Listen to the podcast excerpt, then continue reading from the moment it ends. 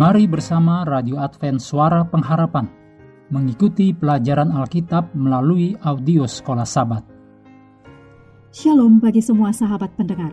Kabar baik bahwa kisah dan kesaksian terkait siaran dan pelayanan AWR Indonesia kini dapat diikuti secara berkala, baik melalui siaran harian Radio Advent Suara Pengharapan setiap minggu kedua dan keempat, juga melalui YouTube dan Facebook AWR Indonesia.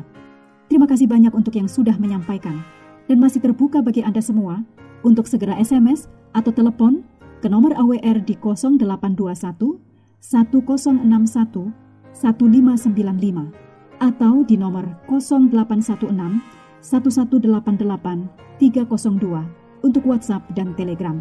Kami tetap menunggu dukungan Anda. Selanjutnya kita masuk untuk pelajaran ke-10 periode 27 sampai 31 Agustus dan 1 sampai 2 September. Judulnya Kelemah Lembutan dalam Cawan Lebur.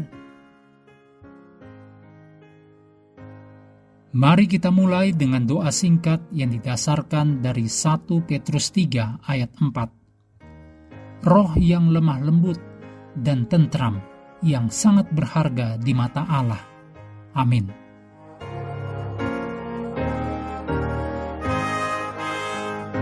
Untuk sahabat petang, Anda boleh membaca beberapa ayat untuk menolong pelajaran sepanjang pekan. Yehezkiel 24 ayat 15 sampai 27. Keluaran 32 ayat 1 sampai 14. Matius 5 ayat 43 sampai 48. 1 Petrus 2 ayat 18 sampai 25. Mazmur 62 ayat 1 sampai 8. Ayat hafalan diambil dari Matius 5 ayat 5. Berbahagialah orang yang lemah lembut, karena mereka akan memiliki bumi. Kita jarang mendengar kata lemah lembut digunakan, kecuali mungkin ketika membaca tentang Musa atau mempelajari khotbah di atas bukit tidak sulit untuk mencari tahu mengapa. Kelemah lembutan didefinisikan sebagai menanggung luka dengan kesabaran dan tanpa dendam. Tidak heran kita tidak banyak mendengar tentang hal itu. Itu bukan sifat yang dihormati dalam budaya saat ini. Kadang-kadang Alkitab menerjemahkan kata ini sebagai rendah hati. Sekali lagi, Kerendahan hati juga bukan karakter yang diinginkan oleh sebagian besar budaya. Tetapi kelemah lembutan, yaitu menanggung luka dengan kesabaran dan tanpa dendam, adalah salah satu karakteristik yang paling kuat dari Yesus dan para pengikutnya. Namun itu bukanlah akhirnya, sebab roh kelemah lembutan bisa menjadi senjata ampuh di tangan mereka yang berada di tengah-tengah rasa sakit dan penderitaan.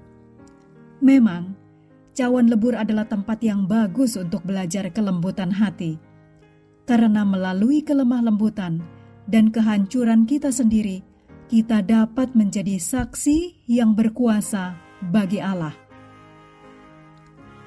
Sekilas pekan ini, apakah hubungan antara penderitaan dan kelemah lembutan? Bagaimanakah kita bisa dalam kelemah lembutan dan kehancuran kita sendiri menjadi saksi bagi orang lain? Bagaimanakah kelemah lembutan hati bisa menjadi kekuatan, bukan kelemahan bagi orang Kristen?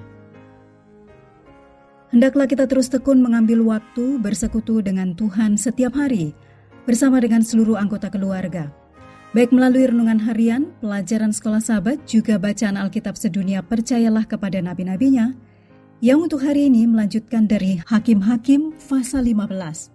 Tuhan memberkati kita semua.